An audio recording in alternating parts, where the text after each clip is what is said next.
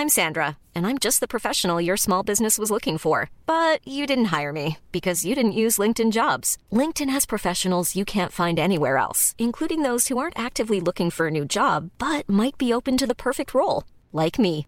In a given month, over 70% of LinkedIn users don't visit other leading job sites. So if you're not looking on LinkedIn, you'll miss out on great candidates like Sandra. Start hiring professionals like a professional. Post your free job on linkedin.com/people today.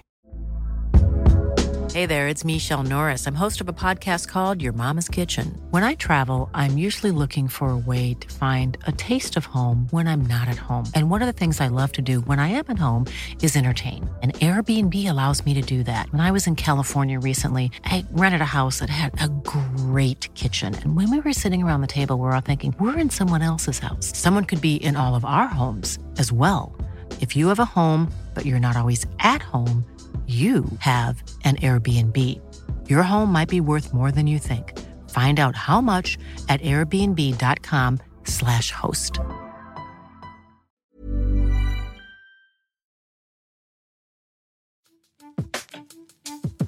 Hej och välkomna till det 32 avsnittet av Brittas och Parisas podcast som varje vecka avhandlar de viktigaste snackisarna, enligt oss i alla fall. Alltså det mest livsviktiga ur nyhets och kulturveckan. Denna vecka tar jag en titt, en skoningslös titt på nya Lejonkungen-filmen. Även skräckeposet Midsommar får sin släng. Och kan det vara så att Aziz Ansari visar vägen post metoo?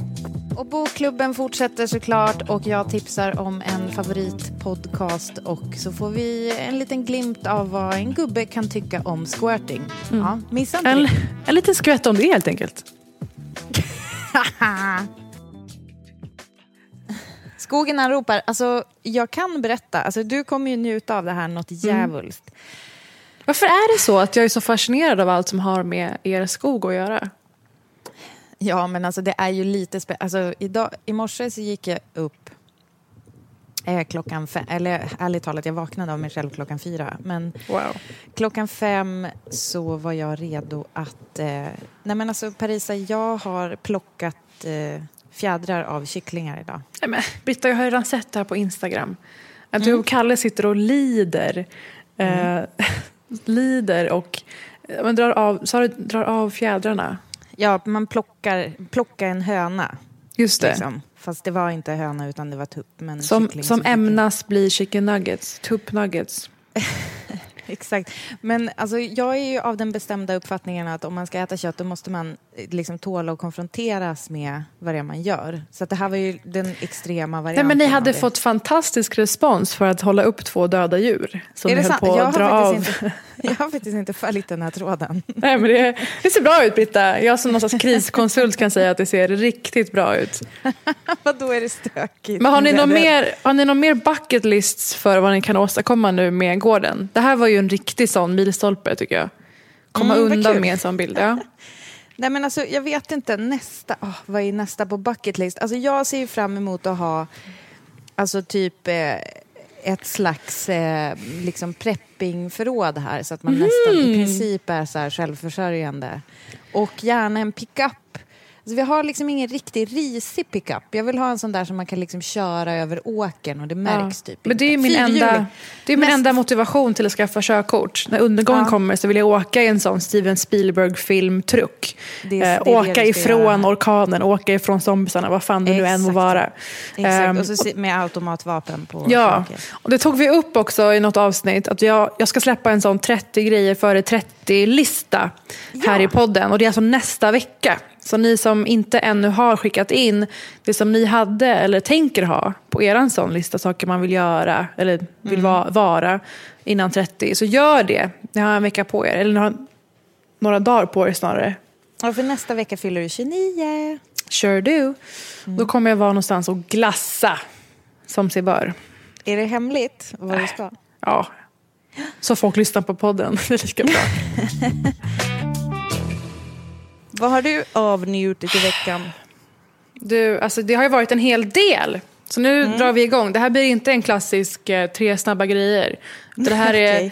tre snack, tre bjussiga snack. Nej men först ut.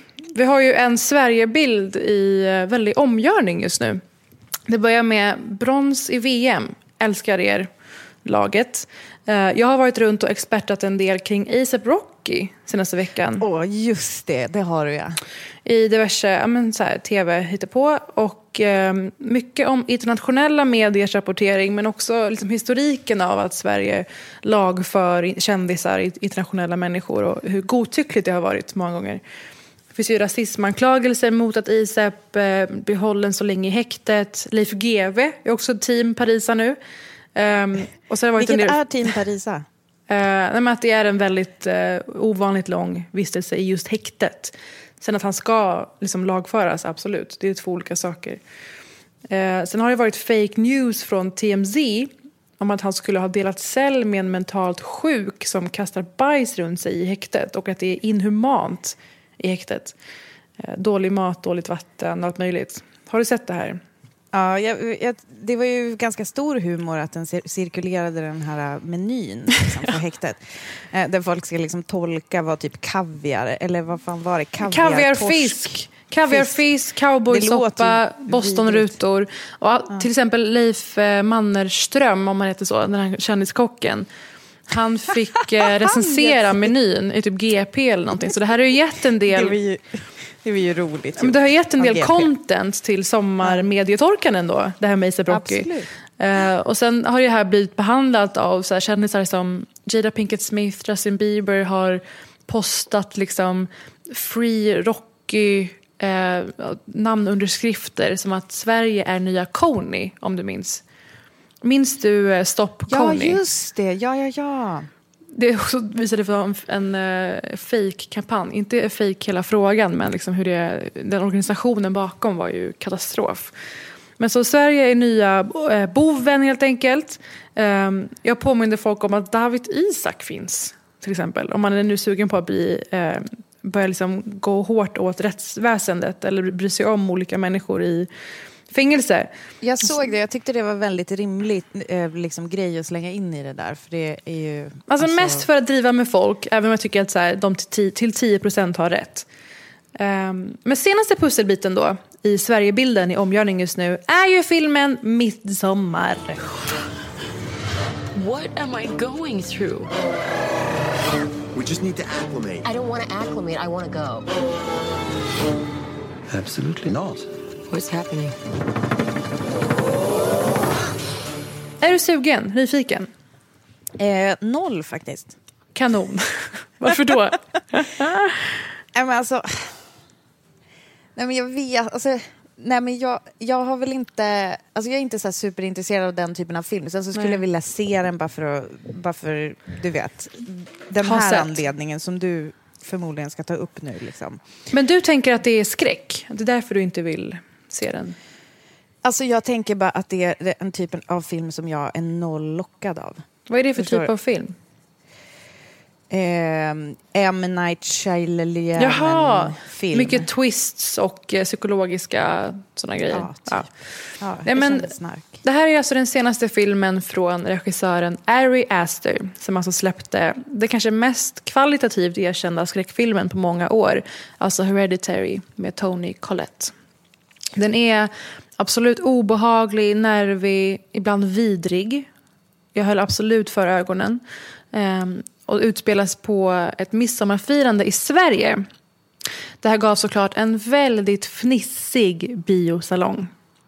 Alltså så fort någon pratade svenska så skulle folk skrocka till. Och folk kunde ju inte släppa att det inte är en film om ett traditionellt midsommarfirande utan en liksom kultliknande familjs perverterade take på det. Så de skrockade också åt allt som avvek från hur de firar midsommar. Det får man hoppas är en hel del då, i och med att det är en, som en stor mängd gore och slams i den här filmen. Men är, det, är det som att folk, alltså satt folk och diskuterade det liksom i biosalongen? Nej, men så jag hörde folk bara som att vi skulle men göra det där. Folk. Alltså men gud. Folk. Nej men jag vet. Skärp er. Jag vet. Uh, Ari själv har beskrivit den som en breakup movie och var bättre än Midsommar då. Um, och det är även sagt att vara ett Wizard of Oz för perversa. Den är egentligen väldigt så här, Ruben Östlundsk. Alltså just det här uh, att det handlar om situationer som tvingar fram människors sanna natur. Han gör ju det väldigt bra också. Ehm, och den här filmen har tagit den så här självupptagna, själviska bro-pojkvännen till perfektion. Alltså hans mest omtänksamma ögonblick är när han ska ta svamp med sina polare och då ihåligt erbjuder sin tjej att eh, vänta tills hon vill. För han vill ju trippa tillsammans med henne. Ehm, Kände igen mig, nej förutom att jag inte knarkar då, men kände igen mig i den självupptagna, eh, att vara bihang till en sån person. Och sen, alltså väldigt välgjord, snygg, obehagligt seg mer än en klassisk slasherfilm som man verkligen sjunker in i den här tunga stämningen som uppstår. Den är hypnotisk nästan. För att det handlar ju om en tjej som hänger med sin kille och hans kompisar på deras planerade midsommarfirande. Eh, Och är grejen att han är svensk och hon är ut, liksom amerikan? Eller De är någonting? amerikaner allihopa. Utan Aha, det är fa- okej. familjen i Sverige som ska vara svenskar. Mm. Och det är väldigt många fantastiska svenska skådisar med som man kanske har mer sett i liksom, dramaserier för SVT och på scen. Inte kanske film förut. Ehm, det är en väldigt känd skrikscen som sprids väldigt väl. Ehm, och handlar väl i slutändan om vad alltså, jakten på gemenskap och känslan av tillhörighet, vad den kan få dig att göra. Men vi ska till en början vara ganska äcklade av den kulturen som finns där hos den här kulten, den här sjuka, liksom av den här familjen som lever väldigt avlägset. Ehm, um, ehm, en karaktär blir teabagad med sill vid ett tillfälle. Det finns en väldigt twisted sexscen, en del kreativ lemlästning. Ja men du hör ju. Nej men vad fan. Men du, alltså jag tänker, min fördom om den här filmen det är ju att det ska vara så här, bygga lite på att man kände så här, åh, Get Out kunde tydligen få en jättestor publik. Eh, är det liksom, känns det som Jo, att han vill alltså- typ lite göra en sån fast inte göra Get en sån? Out var ju också mer ett mysterium och mer det här hypnotiska, liksom, eh, lågmälda som byggdes upp. Ehm, jag kan tänka mig, men det är inte alls lika välfunnet. Det finns absolut inte någon poäng om samtiden i den här. Så är, så är det inte. Okej, då Ehm, försvann typ den eventuella... Ja, men alltså ibland är den här filmen. Ibland är den lite väl osannolik och fläskig. Så den får bara 3 av 5 av mig. Men eh, Jaha, se men den om ni vill liksom åka på en joyride. Absolut. Alltså det är ju inte en bra tid att vara Donald Trump right now. Det har ju tillkommit en del till grejer också senaste veckan. Ehm, det är ju en enorm skandal om att han ska ha ingått i en sexring. Alltså trafficking av flickor så unga som 13 år. I centrum står ju egentligen en excentrisk finansman vid namn Jeffrey Epstein. Har du läst någonting om det här? Ja, men jag, vet du vad? Jag har helt missat att Trump skulle vara med i det där. Han är anklagad på så Central. många punkter. Så många Oj, oj, oj. punkter. Hur kan det här inte ha blivit undantagstillstånd i det här landet? Det, det blir mer och mer oroväckande att ingenting tar ju fäste. Men Alltså, håller du med om, för ja. att jag menar, nu har ju jag min nämnda gravidhjärna som Ja. tror att eh, liksom, min mens styrs av månens dragningskraft. Men håller du med om att eh, medierapporteringen kring Trumps eventuella inblandning inte riktigt är... Eh, den har inte riktigt hänt? Nej, men eller? för, att man, man, för det är så självklart, jag vet inte. Det är som att folk bara, men han, klart han var med på ett hörn. Men eh, det är okej. så skräckinjagande läsning. Han anordnar fester, den här Epstein, så att välbeställda män får förgripa sig på och våldta barn. Stor debatt i USA för att man kallade de här barnen för underage women. Fast de var liksom 13 år gamla. Ehm, Samtidigt, Jean E. Carroll som vi snackade om för några avsnitt sen om hennes berättelse om att Trump ska ha våldtagit henne inne på Bergdorfs. Hon har dragit till med en Hideous Men Tour i New York. Alltså en vandrande guide. En, man går med henne på, hon guidar en runt på olika så punkter Nej. där hideous men har utfört olika saker. Från Cosby till eh, Woody, eh, Woody Allen. Heter han så? Ja. Gud, jag glömde bort vad Woody Allen heter. Ja, men, Britta, jag skulle gärna göra en sån hideous men tour, känner jag. ja, det känner Både jag med. icke-namngivna och några namngivna. Eh, och sen det senaste då. Eh, vidare om de människorna som är alltså, fängslade i burar, gränsen mot Mexiko, inhumant lidande. Alltså det, det skär i en så mycket att se de här bilderna och klippen. Eh, och jag får ångest varje gång jag liksom scrollar förbi någonting för att jag, jag känner mig bara maktlös. Jag vet inte vad jag ska... Ja, det är vidrigt. Det blir bara värre och värre. Och när han fick kritik då om detta från de nya kongresskvinnorna, de som vi snackat om innan, som valdes in nu vid årsskiftet med bakgrund över hela världen. Eh, han fick kritik om det här, de här människorna i burar då. Och eh, ett kort svar från honom, i korthet, var Go home. Go back to your countries. Alltså, säger, han, säger han det till kvinnorna? Säg till exempel till eh, Alexandria och Ocasio-Cortez. Ja, exempel. han menar, han, hans eh, Bronx, rant till detta var Go back to your countries, som är, då menar han skitställen, och se hur illa det är där. Eh, if you don't love this country, you don't have to stay. Alltså det har kommit så här långt nu. Nu är vi framme vid Go back to your countries. Om vi bara Mm. följer historiens olika steg, nu är vi där. And all I'm saying that if they're not happy here, they can leave. They Mr. can President, leave. Mr. And you know President, but they're I'm- American I'm sure that there'll be citizens. many people that won't miss them. Ehm, och eh, han anklagar den här kvinnan, Ilan Omar, en av de kända kongresskvinnorna, för att hon ska Den älska al-Qaida ja, och hata judar. Och vid mothugg så eh, räcker det för honom att säga att många håller med mig. Ja. Och det är säkert väldigt sant och väldigt talande för att det är underlaget som krävs nu för att folk ska acceptera det här. CNN tog äntligen till orda och kallade detta för racist. Den, och vi ska prata nu om den totala förskjutningen. Alltså även DN och SVT drar sig för att säga att saker är rasistiskt för att inte reta upp den bruna hatmobben. Jag tror inte Alltså- jag någonsin har liksom stött på det ordet från... För några år sedan så, så kunde man ju se det. Alltså, vit maktrörelsen vill inte bli påmind om att det är just vad den är.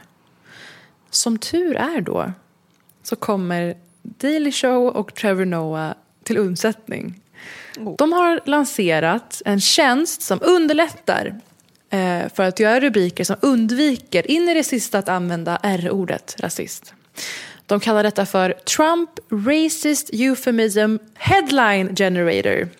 Alltså en eh, rubrikgenerator på nätet som de har lagt upp. Man kan googla upp och istället för att liksom skriva Trump säger eller gör någonting rasistiskt. Okej, några alternativ då som visar på att liksom det här, de förminskar de här fallen och får att verka som liksom snedsteg. Trump trims hedges of racially ambiguous whoopsie.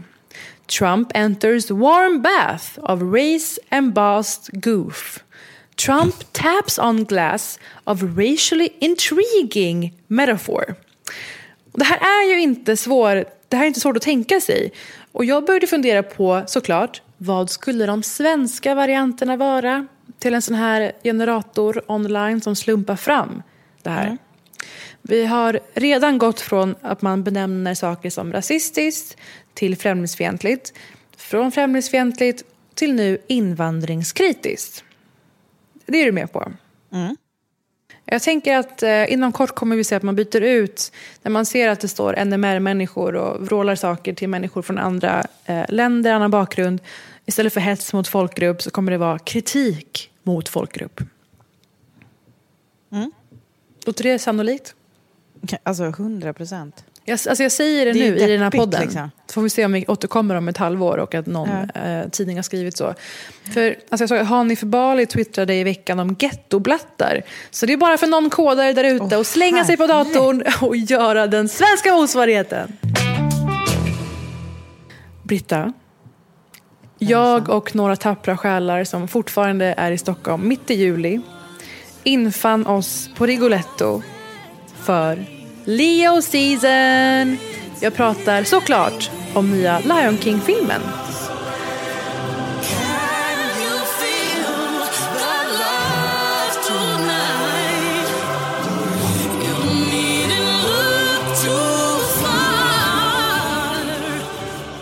Som jag var på premiären av igår. Är Ja. du sugen på den någonting?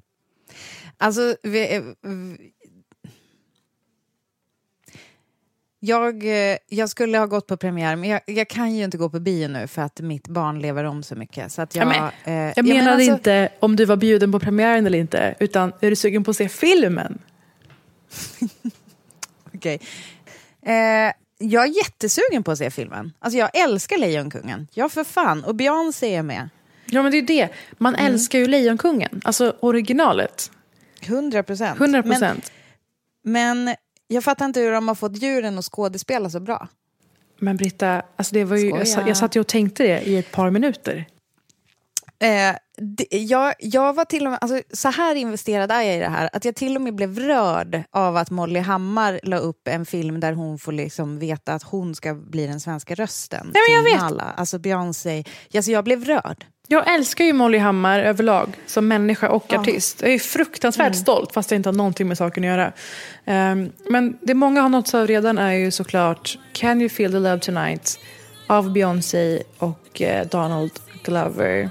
Jag sitter alltså där mellan Ulf Kristerssons Säpovakt och två 16-åringar som inte hade sett originalet och Nej. ser den här filmen. Vilken vidrig, vilken vidrig medpublik. Ja, jag ska, jag, du får säga det. Jag vågar inte uttrycka mig om Säpo eh, på grund av min etnicitet. Men hur Alltså, är jag, filmen bra, då? jag, jag har bra pull hos Säpo, så det är lugnt. Jag kan tänka Men mig att de älskar dig, Britta, men eh, icke same. 16-åringar däremot Ja. Jag är också fortfarande rädd för tonåringar. Nog med side notes nu. Det alla vill veta, hur är filmen då? Denna dag som detta släpps, 19 juli, har också filmen premiär. Många av er, för att ni lyssnar på den här podden och är vettiga människor, funderar på att gå på bio. Hur är filmen? Får jag gissa? Om, vill du gissa innan jag pratar? Ja, Nej, vill får, innan får du inte. Absolut inte. Håll det. Om vi börjar där. Eh, regissören John Favreau känner jag ju lite surt för för att han har spelat så douchiga karaktärer som skådis. Han är supermysig som Monikas MMA-fightande kille i Vänner. Det ska han ha. Men eh, jag, har inte, jag håller inte det emot honom på något sätt som regissören av den här filmen. Han regisserade ju Djungelboken. Eh, den var en supersuccé. Liksom, liksom Elf. den...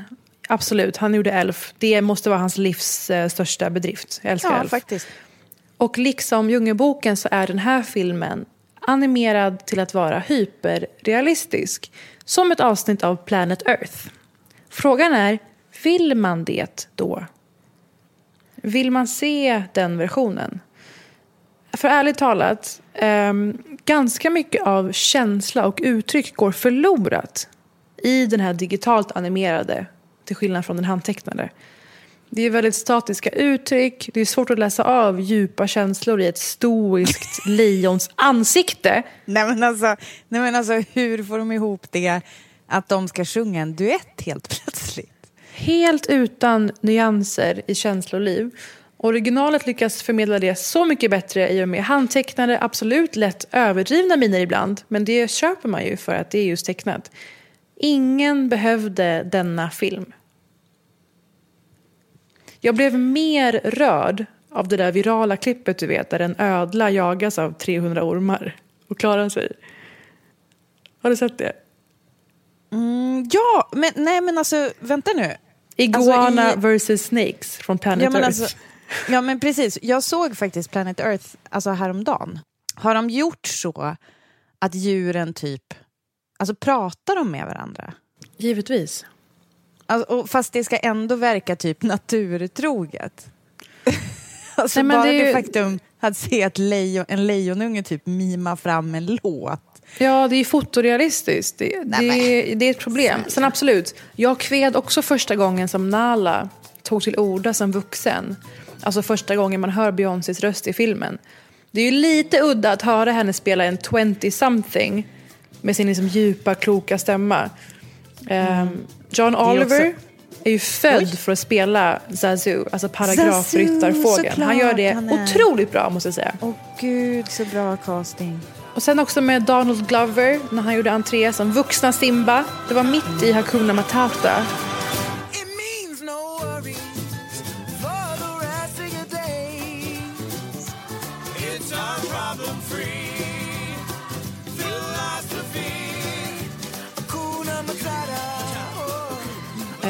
Jag känner ju sorg, som du vet, sen länge. Att han är Donald med världen nu. Att han inte bara är din Donald. Eh, Bitta, en tjej, det här är alltså väldigt välmenande säkert. En tjej tipsade mig om serien Atlanta i veckan på DN. Ja, jag vet. Jag vet. Du blev skogstokig. Eh, Eller? Om du inte sett, skrev hon. Alltså jag ville gå och skjuta mig själv i ansiktet. Jag, eh, jag tog del av en intervju med Aubrey Plaza, när, alltså April i... Ja, vi nämner väl den serien varje avsnitt, Parks and Recreation. Japp. Eh, där Aubrey Plaza eh, berättar lite grann om eh, hennes relation till Donald Glover. De Mm. har absolut hånglat. Och jag kände... Ah, kände vi, det, stack, det stack till lite grann. Jag vet. Alltså, inte ens från henne. Hon, är- hon kan inte vara hennes mer än hon är våran. Jag har ju följt Donald Glover på ett obehagligt sätt sen jag först såg honom i fantastiska serien Community. Där han var liksom en tanig liten kille som hade en morgonshow med Abed. And three, two, one. Troy and Abed in the morning, and we're back. Look who's here, Jeff Winger. Jeff, how do you stay so fit? Alltså, jag har bjudit honom på whisky i en bar i Stockholm, som du minns. Va? Det här är... Va? Jag var på en bar där Ludvig Göransson och Donald Glover var. Och jag har intervjuat Ludvig så jag såg och hängde lite med dem och vågade fråga Donald Do you want something from the bar? Och han ville ha La Froid, alltså whisky. Ja, alltså, Ehm, med franskt uttal fast är Han, skotsk. han dricka alltså två, tre klunkar innan min, då, min dåvarande pojkvän rusade ut av svartsjuka. Gick miste om en kväll med Donald Glover. Kommer Åh, aldrig herregud. förlåta den personen. Av andra anledningar också, men det var fan bottennappet. Ehm, Risa. så bara Det här- public, hört det. announcement mitt i Lejonkungasnacket. Kom inte Ja, i men det- närheten av mig med tips om Donald Glover. Nej, Någonsin igen. rara. Eh, det här kan vara en grej till 30 grejer för 30-listan också, att jag liksom tolererar människor med Måste Okej. få kontakt med Donald Glover, tycker jag. Alltså, så här. Ingen av de här är stjärnan i denna film. Vem det är kommer vi till strax. Och våga bara spoila, Britta. Jag tror att du har en aning. Nej, men jag har inte det. Jaha. Okej, men vissa saker är fortfarande eviga. Om vi släpper allt som är dåligt. Eh, de kluvna känslorna kring att vara sugen på Scar, till exempel. Alltså, låt alla amatörpsykologer veta. Det är bara att ta en snabb titt på ens dejtinghistorik och se att det direkt härleder från första titeln på Djungelboken som femåring. Han är ju het. Gud vad roligt. Alltså, jag, eh, det roliga är att jag, jag tror att jag kände mer pirr när Nala gör entré. Liksom. Hon Men har det som jag- sexy, ett sexigt sug i blicken. Ja, hon har ju det i eh, de första filmerna, den första filmen. Det håller jag med om. Men alltså, det blir inte bättre. Han är spelad av Chiwetel Ejiofor i den här filmen. Som ni kanske sett det i 12 years a slave till exempel. Riktigt hett är det stämningen. Och också tidsenligt är att man är team Scar ett ganska bra tag i den här omgången. Ja.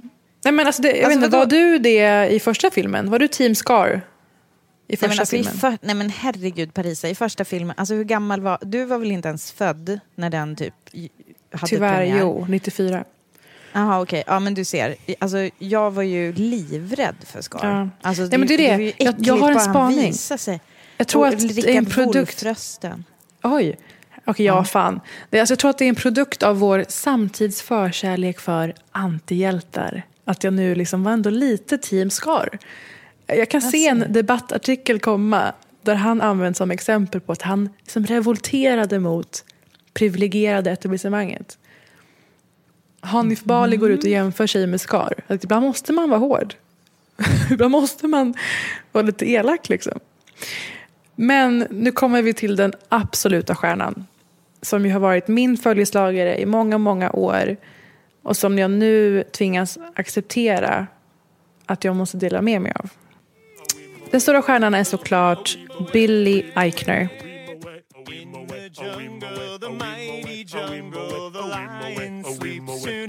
Det är alltså som vi har följt i poddens favoritserie Parks and Rec. Men också hans fantastiska egna format Billy on the street. Det har du sett? Eh, nej. Billy on the street. Han springer med kändisar på stan. Det är som det mest lågbudget du har sett och ändå ge, ge, gett mig mer än något annat. Han springer med Will Ferrell, Amy Poehler, Nas, Paul Rudd, Chris Pratt.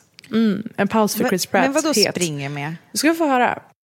He's making dreams come true. Billy on the street. Hey guys, it's Billy, and I'm gay. And I'm Tiffany Haddish, and I'm black. Hey guys, it's Billy. I'm out here with the delightful Paul Rudd, ready for a special lightning round that I like to call Would you have sex with Paul Rudd? Miss! Miss, it's Pitbull! No, no, no, it's Amy Poehler! It's Amy Poehler! yes, it's Amy Poehler! But you thought I was Pitbull! Do you watch Parks and Recreation? Uh, sometimes. Sometimes! Hey guys, it's Billy out here in Soho with a very special guest today, the one and only Will Ferrell, ready to play one of my new favorite games. Would Drew Barrymore like that? How are you, Will? I'm, I'm very well, thank you. Okay, good. Billy on the street! Oftast springer han fram till folk på stan med liksom en fråga som folk ska besvara för att vinna en dollar. Typ “Name a movie with Jennifer Lawrence” och folk blir ofta helt ställda av att dels få se en världsstjärna och sen kan aldrig leverera. Och han lurar ofta folk, om man springer runt med eh, Tina Fey, att det är Anne Hathaway egentligen. Man blir chockad över hur många som är så korkade att de bara “Oh hey Anne, I love you, I loved you in that movie”. Så han driver med folk på det mest demoniskt ljuvliga sätt. Och de har verkligen lyckats bevara honom som Timon i den här filmen. Alltså hela hans liksom, personlighet. Ja, alltså jag måste säga, jag eh, är inte ett fan av Billy Eichner. Det får Men- stå för dig. Och, ja, men det får stå för mig. Men, men det är ju ändå på något sätt, jag kan fatta att, det, att han är bra i den där rollen. För Timon är ju som en ganska jobbig Ja. karaktär. Och jag har faktiskt ett tips till dig nu. För att det finns en tv-serie på... En tv-serie? Mm. En serie på HBO som heter Difficult People. Har du sett den? Alltså, nu, nu gör ju du det som den här kvinnan gjorde med Atlanta. Vadå? Jaha, okej. Ja, Nej, det- det, är inte det- alls lika illa. Jag skojar bara. Nej, Men jag, jag, jag har sett, alltså jag har sett du får- Difficult People, absolut. Ja, Ja. alltså den, den stora behållningen med den tycker jag var... Eh, eh, vad heter hon? Kate McKinnons eh, karaktär Aberka Douglas. I övrigt så kunde jag... Jag var tvungen att sluta se den för att jag tycker Billy Eichner är så... Men han är ju fruktansvärt intensiv. Okej, men han kanske görs till sin rätta här. För alltså, Ja. det är ofta det är sällan som stora industrier hittar en liksom udda, unik person med lite säregen stil. Och det faktiskt bevaras, eller till och med här, förhöjs. Alltså de har lyckats bevara hans stolthet. Sarkastisk, fyndig, kvick, ändå älskvärd som Timon. Och då med Seth Rogen, som är- också är lysande som Pumba. Så är de filmens hela behållning. Alltså stjäl scener på löpande band. Kul. Så nu när han är kompis med Beyoncé så kanske hon dyker upp i Billy on the street. Tveksamt dock. Billy on the street! Jag har liksom, utan att ha sett den här filmen nu, Mm. men jag har liksom en liten teori som kanske bidrar till det totala bristen på känsla. Och det är att hur mycket jag än älskar Beyoncé, och du vet att det är väldigt mycket, så är hon kanske inte jättebra skådis. Nej men alltså, Alltså, jag ska inte bara hon- skylla på animeringen. Det, det kanske är helt sant att det bidrar. Alltså, men hon är inte med så mycket favorit- heller. En av mina favoritfilmer, The Fighting Temptations. Ja. Absolut, kolla upp den. Ja. Cuba, Cuba Gooding Ju, Vad fan heter den? Cuba Gooding Jr. Ja. Ja, det handlar om en pastor som typ eh, leder en gospelkör och bla bla bla. Jag tycker den är helt underbar. Dolly Parton är med. Beyoncé eh, det, eh, sjunger, typ hittar sin röst. Det blir en jättestor gospelstjärna, bla bla bla. Men alltså hon är ju verkligen ändå inte bra som skådis. Nej, nej. Alltså, jag har ju plöjt alla hennes hittepå-roller för sakens skull. Och det är klart hon inte är en skådis av rang. Det är ingen som säger. Nej, men det är sant. Men sen en annan rolig grej med den här filmen när ni ser den. Eh, det är ganska kul att Lejonkungen med de originalteman och sensmoralen som finns. Vad som är gjort för 2019. Alltså några samtidsfaktorer som de bara råkade få på köpet. Typ att Simba tvingas bli vegan när han lämnar Lejonriket. Skar och hans hyenor eh, utarmar ju resurserna med sin gränslösa aptit. Det går från frodigt grönt till uttorkat öde real quick. Klimatkrisen 2019. Och sen så blir Pumba fatshamead i en scen och tar till orda att han tycker inte skämmas. Body positivity 2019! Ja. Jag... Alltså förra veckan, Parisa, Mm. så firade jag åtta år i bröllopsdag. Ja, det är... Det är Nej, faktiskt men- helt sjukt. Jag ska inte utveckla mer av mina känslor kring det. Men det, det är en, alltså en eloge till er. Ni har gjort Ja. något underbart av det här, det här förhållandet, ska jag säga. Ja, alltså det har ju verkligen inte varit åtta ljuva år. Det tror inte jag att någon av oss skulle skriva under på. Eh, men vi har, Tänk- liksom, vi har kämpat igenom. Tänk om man bara skulle fira alla bra dagar. Att man liksom slutet av varje dag ses och noterar att så men det här var en bra dag. Alltså, Sen firar man liksom ett år när man har fått ihop 365 dagar lösryckta. Mm. Rolig idé ändå. Men vet du, alltså det där, det, du är ändå på någonting för att det är som att vi, jag tror att jag tror att jag och Kalle håller på lite för mycket och kanske utvärderar medan vi är i det. Alltså jag, att, för jag har aldrig förstått mig på sådana här som är typ, du vet gifta jättelänge och sen bara, så har de inte legat på ett år och så är det så här, eh, jag vill skiljas. Jag, det, det skulle typ aldrig kunna hända oss för att vi, alltså vi, vi har typ kris, minikriser liksom två gånger varje Ja, men det är ju vecka. det. och Det är ju sunt också. Eh, Jag tror vi har Fast det är varit också inne på det. sinnessjukt. Ja, men det har, vi har varit inne på det också vad gäller vänner som är osams. Folk gillar ju att måla upp eh, tjejer som är konfliktbenägna med vänner, att det är mycket drama och skit. Men någonstans är det sundare. Ja, och jag tror också att det hjälper oss.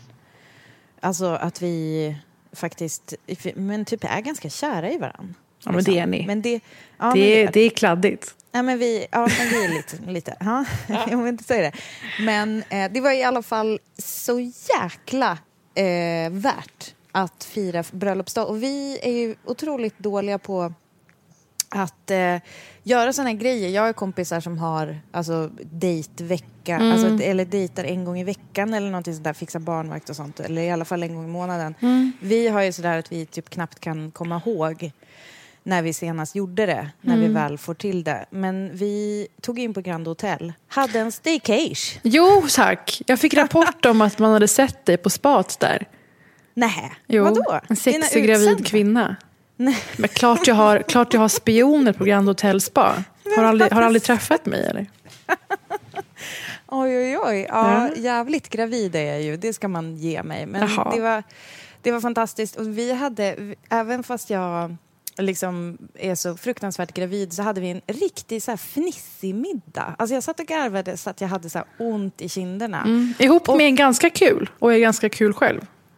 Vad sa du? Alltså du är ihop med en ganska kul och är ganska kul själv. Ganska Mysigt. kul. Det ska stå på min gravsten. Ganska kul. Paris Amiri En blurb! Ja. Gud vad bra. Men då i Det är för få så, blurbs på gravstenar. Förlåt, många sidospår redan. Men Vi borde lansera det här. Vi borde starta ett eh, gravstensföretag. Ingen får sno det här. Men i alla fall, det jag ska komma till är det som händer då. Alltså för att jag har märkt att när man är så här eh, gravid och inte har druckit på, alltså God knows when. Eh, och då kan jag som dras med lite grann i folks liksom lite tipsig stämning. Ah. Och det kan också, fast jag kan inte riktigt skylla på det, utan det är kanske mer den så kallade gravidhjärnan. Men det som händer under vår middag är bland annat att jag säger till Kalle, helt på allvar, att det är ju märkligt det här med, alltså av någon anledning pratar vi om mens, eller typ PMS eller Mhm. någonting sånt där. Och så sen så säger jag att det är väldigt märkligt egentligen, det här med att vår menscykel styrs av månen. okej. Var på Kalle bara... Eh, vad sa du nu? vad, exakt vad sa du, Britta? Och Mm. jag säger på allvar, så börjar jag argumentera för det här. Bland annat med argumentet, hur vet kroppen annars vad klockan är? Ja men herregud, vad starkt. Men, Nej, men någon, alltså, alltså, Parisa, ja, och någon, någon sitter- fick ju Nobelpriset just för att så här, kroppen har en viss klocka cell- i cellerna. Men om det vore efter månen skulle alla tjejer ha mens samtidigt. Så det är det det exakt faller det på. Jag, det är exakt det jag själv kommer fram till, typ så fem meningar in i det här värdelösa argumentationen. Som jag, alltså någonstans typ slut, alltså det, det slutar med att jag egentligen bara har emot mig själv. Mm. Eh, så jag kan liksom, jag rekommenderar eh, bröllopsdag, firning av. Jag rekommenderar att ta in på hotell med sin man och typ piska liv i Oh. liksom allt möjligt. Eh, jag rekommenderar inte att kanske föra så avancerade... Mm. Man kanske inte ska dela med sig allt vad som händer i hjärnan just när man är eh, liksom sprängfylld av graviditet. Men jag är och, avundsjuk på, eh, på Kalle. Vilket content han får vara med om på daglig basis. Ja, fy fan. Snart är det över, Parisa. Snart kommer min hjärna funka normalt igen. Hoppas Not jag. looking forward. Men ja. Eh, sen så har jag faktiskt avnjutit en fantastisk bok. Du vet ju att jag är emot novellsamlingar. Alltså jag är ju typ Aha. Fnyst åt det Det är tidigare. så kul att vi båda har så liksom, orimliga aversioner mot saker. Ja, men, ehm, du gillar ju novellsamlingar. Ja, visst. Snälla rara, det är det äckligaste jag vet. Men det här Nej, är men alltså en del, det här måste vi säga. Nå- några har ju redan hakat på. Hashtag BP bokklubb. Ja, alltså böcker som vi pratar om eller läser. Eh, och ni hakar på och Ja. ti- tipsar vidare under BP bokklubb. Och jag kör ju på med klassikersommar. Och nu är du alltså framme vid... Nu är jag framme vid Emily Pines Note, Notes to Self. Och jag vet inte vad som fick mig att klicka hem den här boken men plötsligt så var den bara i ett paket som jag hade beställt med en massa böcker. Eh, Emily Pine är en, så vitt jag fattar, irländsk författare. Associate Professor of Modern Drama at University College Dublin, Ireland. Eh, läste jag nu innan till.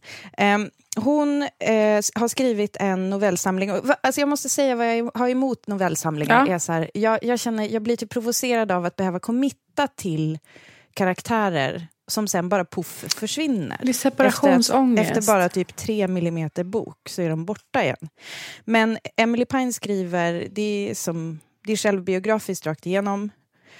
Eh, Tror jag, jag har inte läst hela. Mm. Men hon berättar med ett väldigt fantastiskt språk. Ganska så jobbiga grejer. Eh, tål du om jag läser en bit ur den med min andfådda högravida flåsröst? Låt gå. Eh, det handlar om hennes föräldrars separation och också delvis hennes pappas alkoholism. When your dad gets a girlfriend and cancels seeing you, you're confused. When your dad says that he's bored by children and you can go to hell, you're even more confused. Hmm. And this is also what it's like. You're 10 and your mom is out at a party and the phone rings and it's your dad and he says he's going to kill himself that night and you say, "But I love you, dad." Hmm. And he says he knows that you're the only person who does and then he hangs up.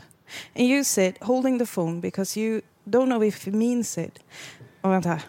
Det är så. And you sit holding the phone because you don't know if he means it and you don't know what he's asking of you. But you do know that something is something is being asked and you're afraid that if you don't find the answer you will never see your dad again. And hmm. then you hang up the phone because you don't know where he lives and you don't know his phone number there and you're only 10 so you go back to bed and you cry yourself to sleep. And the next day you find his work phone number and you dial it and he answers and he is alive. But now he's shouting at you for disturbing him. So you don't say anything about the night before. And you don't... Det låter som att jag gråter. Det är Men jag, alltså, jag kan inte avgöra om du är jätterörd. Vänta. Eller, Det, ja. jag, är inte, jag är inte rörd, jag är bara... Jag är så fruktansvärt andfådd. Vänta. And the next day you find his work phone number and you dial it and he answers and he is alive. But now he is shouting you at you for disturbing him. So you don't say anything about the night before and you don't tell your mom and you never tell anyone because there is no way of telling this story that can make it okay. Alltså, rys. Ursäkta flåset, men det är liksom, alltså den, är så, den är så jävla bra skriven. Och faktiskt så här, jag tycker att det är sällan som man stöter på typ en helt ny röst. Ja, alltså, hon, är som, hon känns egen. Så den tycker jag absolut att man ska läsa. Och Men bara som en Det- uppdatering till min klassikersommar. Jag läste ju Sylvia, Sylvia Plaths eh, The Bell Jar. Och vilken jävla Mm. läsning verkligen med alltså, vuxna ögon. Och den dröjde sig kvar verkligen. Och det, det berör ju också lite det här du skriver. Eh, ja, The, Bell Jar, den. The Bell Jar är ju vad Sylvia Plath och hennes karaktär då beskriver som det tillståndet av men, djup depression, suicidal depression. Att man är, man, ligger, man är under den där eh, kåpan, plastkupan. Och att eh, man inte kan se klart, man kan inte agera vettigt och bara konstant fantisera om hur man ska ta livet av sig. Alltså det är fantastiskt skrivet och tidlöst. Eh, och sen nu har jag gått vidare till Hemingway. För så lever jag mitt liv. Eh, den fantastiska... upp? Den fantastiska Movable Feast som ju handlar om hans år i Paris. Har velat läsa den väldigt länge och eh, alltså längtar till varje ledig stund som jag får läsa nu. Så keep Va? us posted helt enkelt på BP Bokklubb. Ja, det är kul. Alltså, jag älskar att höra om när ni läser Det är, eh, och också när vi får tips Ja. själva. Sen så ledde mig det här eh, Emily Pine-läsandet ledde mig in på en podcast. För grejen är så här, jag gör ju ofta det här att när jag eh, liksom konsumerar en person eller vad man ska säga, när jag blir så Ja. intresserad av en kvinna så brukar jag gå in i podcaster och bara söka på namnet och Mm. försöka hitta intervjuer med den här personen. Och då, det ledde mig till en BBC-podcast som heter Woman's Hour. Känner du till den här? Nej, inte hört. Åh herregud Parisa. Alltså, det är liksom det är så här ett timslångt program som sänds dagligen i liksom nationell radio i eh, England. Och det är alltså det, det handlar om kvinnoämnen och jag tror eh, alltså, Vad är ganska det? intressant. Vad är kvinnoämnen? Ja men exakt, alltså, det var ju mitt slarviga ord men den heter ju Women's Hour så Mm. det, det är eh, alltså det är verkligen eh, högt och lågt skulle jag vilja säga och jag kommer ge exempel men eh, först så kan man väl slänga ut en liten fundering så här varför det här inte finns i Sverige eller jag börjar tänka så här eh, det här borde vi ha.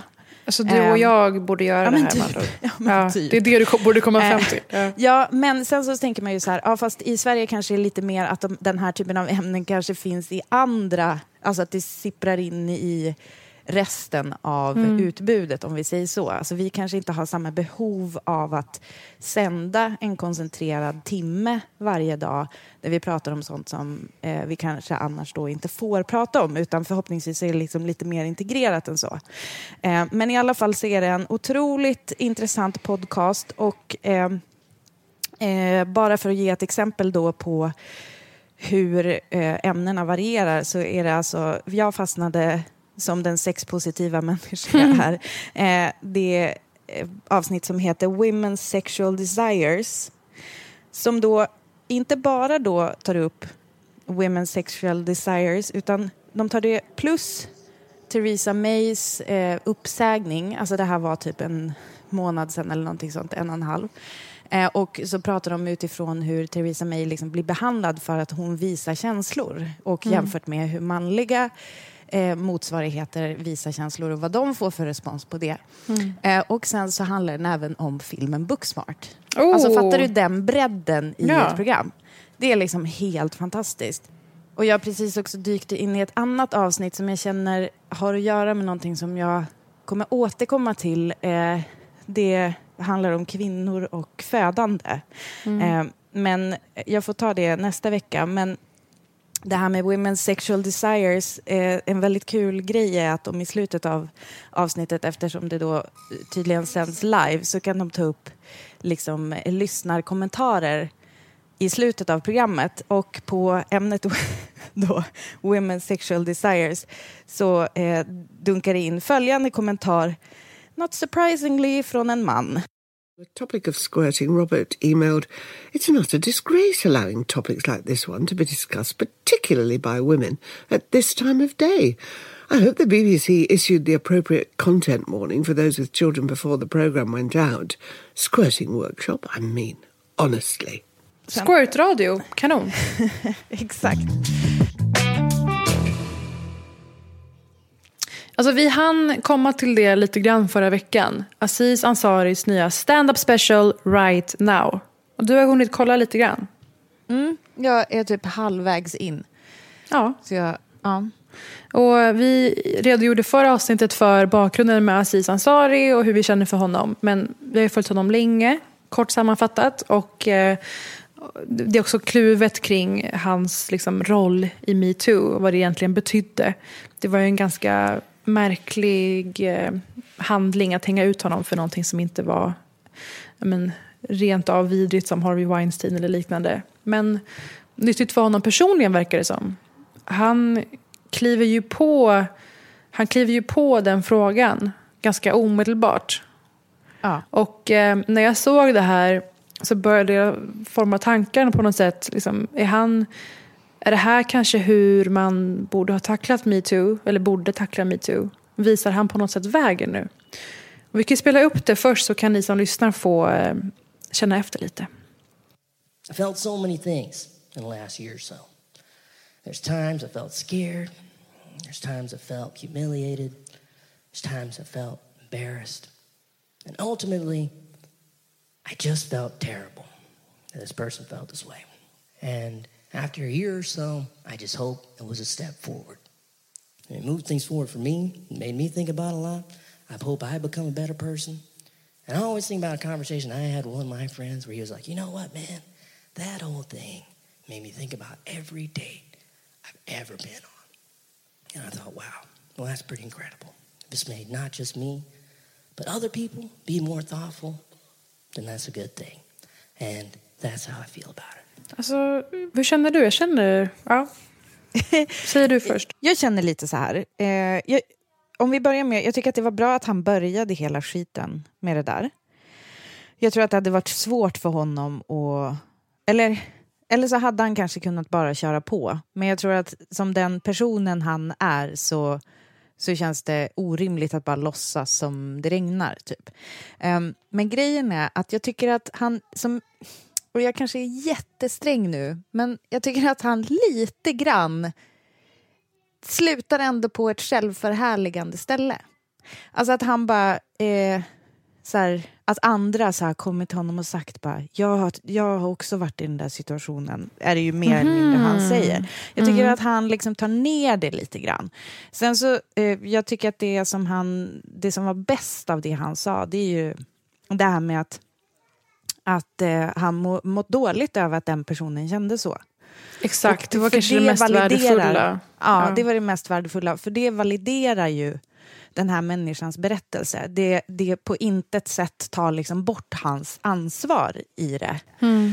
Så det tycker jag var jättebra. Så om jag hade varit hans producent så hade jag nog fått honom att hoppa över det där. Där det är så här, men massa snubbar känner så här. Men även om det är Ja, sant det är synd så känner jag så här. Ja, det är synd för jag, jag tror... på det, jag liksom men det här tror jag att jag sa förra veckan också. Att, alltså jag tycker inte att det finns någonting gott som kan komma ut ur någon eh, traumatisk händelse. Vare sig det är med våld eller som det här gråzon. Och den, liksom, den, den, det narrativet är ganska jobbigt tycker jag.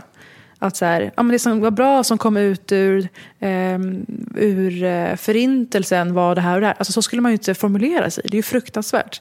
Mm. Ehm, men jag tror ju ändå på, som jag sa i förra veckan, att jättemånga fick upp ögonen för saker de inte visste om eller insåg vidden av hur fel det var förrän det här blåstes upp. Och sen att han försöker måla upp att så här, men även andra säger att de eh, har råkat hamna i det här. Att det skulle på något sätt, som du säger, förminska det han gjorde eller göra det till en mer normaliserad grej. Det är ju en risk med det. Jag fattar vad du menar. Eh, men jag har haft så många konversationer med folk som inte såg problematiken i det han gjorde. Och när jag har frågat så här, men även om det inte var en namngiven person där, för nu är ni ganska förblindade av att det här borde inte ha namngivits, vilket jag verkligen tycker att det inte borde ha.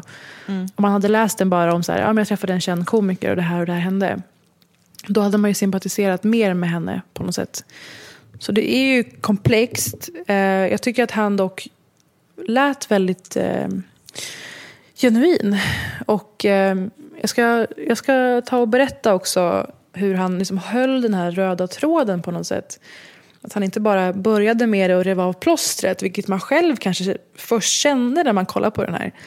Att han rev av plåstret för att sen kunna komma vidare till sina ordinarie skämt. Alltså icke faktiskt. Jag skulle säga att det där var fundamentet, den händelsen och hela det förloppet med metoo. Det kändes som att det liksom låg och vibrerade under det mesta han sa sen. Um, för det här tillåter inte honom bara att fly undan sen utan han borrar ner sig i närbesläktade frågor som vi nu tacklas med. Alltså drev online, anklagelser. Han pratar en hel del om eh, R. Kelly och Michael Jackson. Mm. Det är skämt om eh, att han eh, har panik över att folk ska hitta gamla klipp där han pratar om hur han älskar R. Kelly och Mm. släppa det på nytt idag. Och då skämtar han och säger I had a tricky year already. Så han, det är en så otroligt svår situation men som han lyckas göra humor av. Som jag köper. Jag skrattade rakt ut. Han pratar om att folk försöker outwoka varandra. Du, Ja. känner ju, du minns ju när jag blev nästan, eller när en person försökte utfeminista mig för man bara två månader sedan i den här podden. Han Det, pratar- det, ja. Den biten tycker jag var jättebra faktiskt. Väldigt alltså, det är som en roligt. tävling mellan vita människor, vem som är mest woke.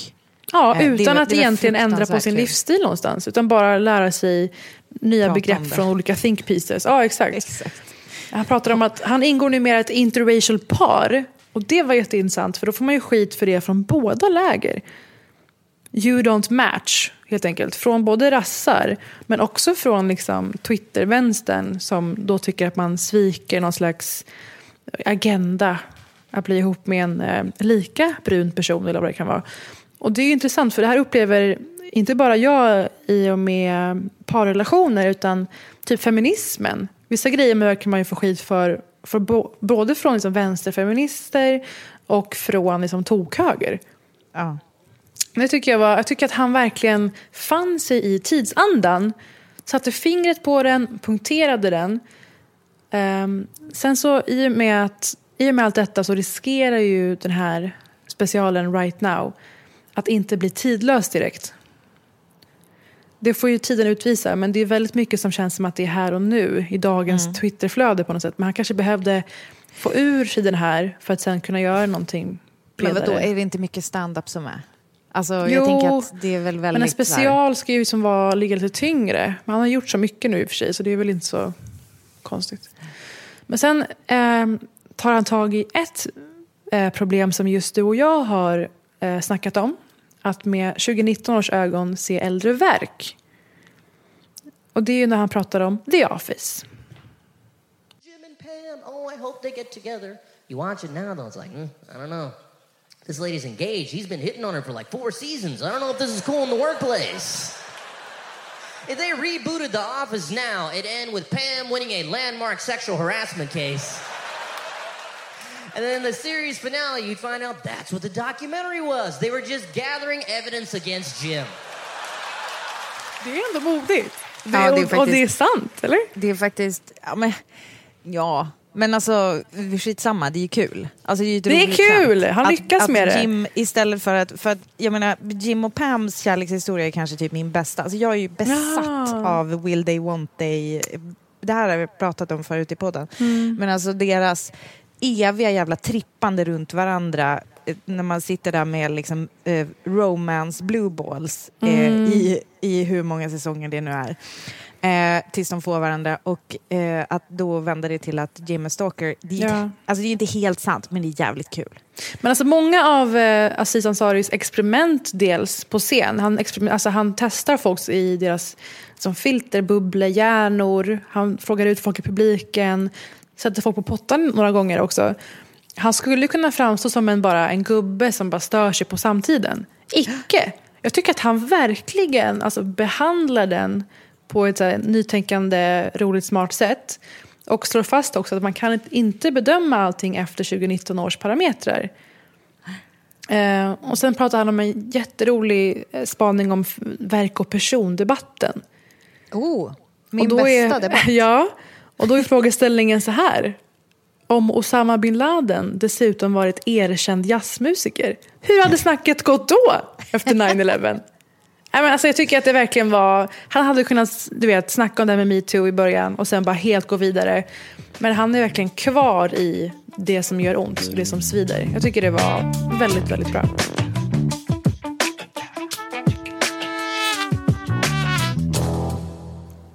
Det är ju lite spännande nu Parisa. Mm. Alltså, det kan verkligen komma bebis exakt när som helst. Jag tänker ju sikta på din födelsedag. Det förstår du ju. Jag tänker ju Ja, men- vidta åtgärd. Alltså dricka bubbel och inte vet jag. Alla, gå i trappor och allt sånt där för att sätta igång.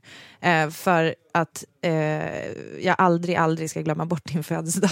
Fy fan vad fint. Jag skulle älska att vara så närbesläktad med den nya bebisen. Eh, Så nästa gång ni hör den här podden så har jag fyllt 29 år.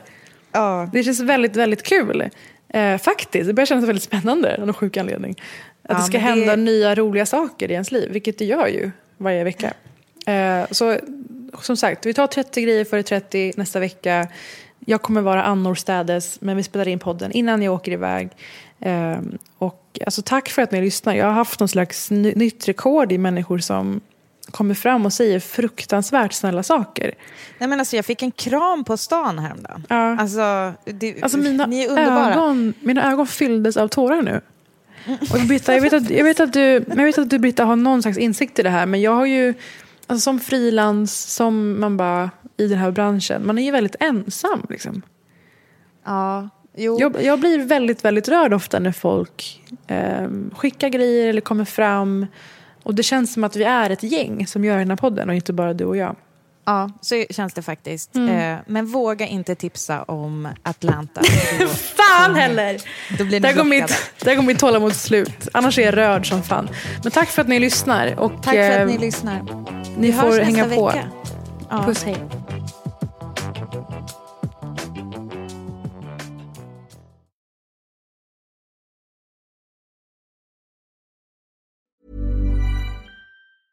Hey, it's Paige DeSorbo from Giggly Squad. High quality fashion without the price tag. Say hello to Quince. I'm snagging high-end essentials like cozy cashmere sweaters, sleek leather jackets, fine jewelry, and so much more. With Quince being 50 to 80% less than similar brands. And they partner with factories that prioritize safe, ethical, and responsible manufacturing. I love that. Luxury quality within reach. Go to quince.com slash style to get free shipping and 365 day returns on your next order. Quince.com slash style.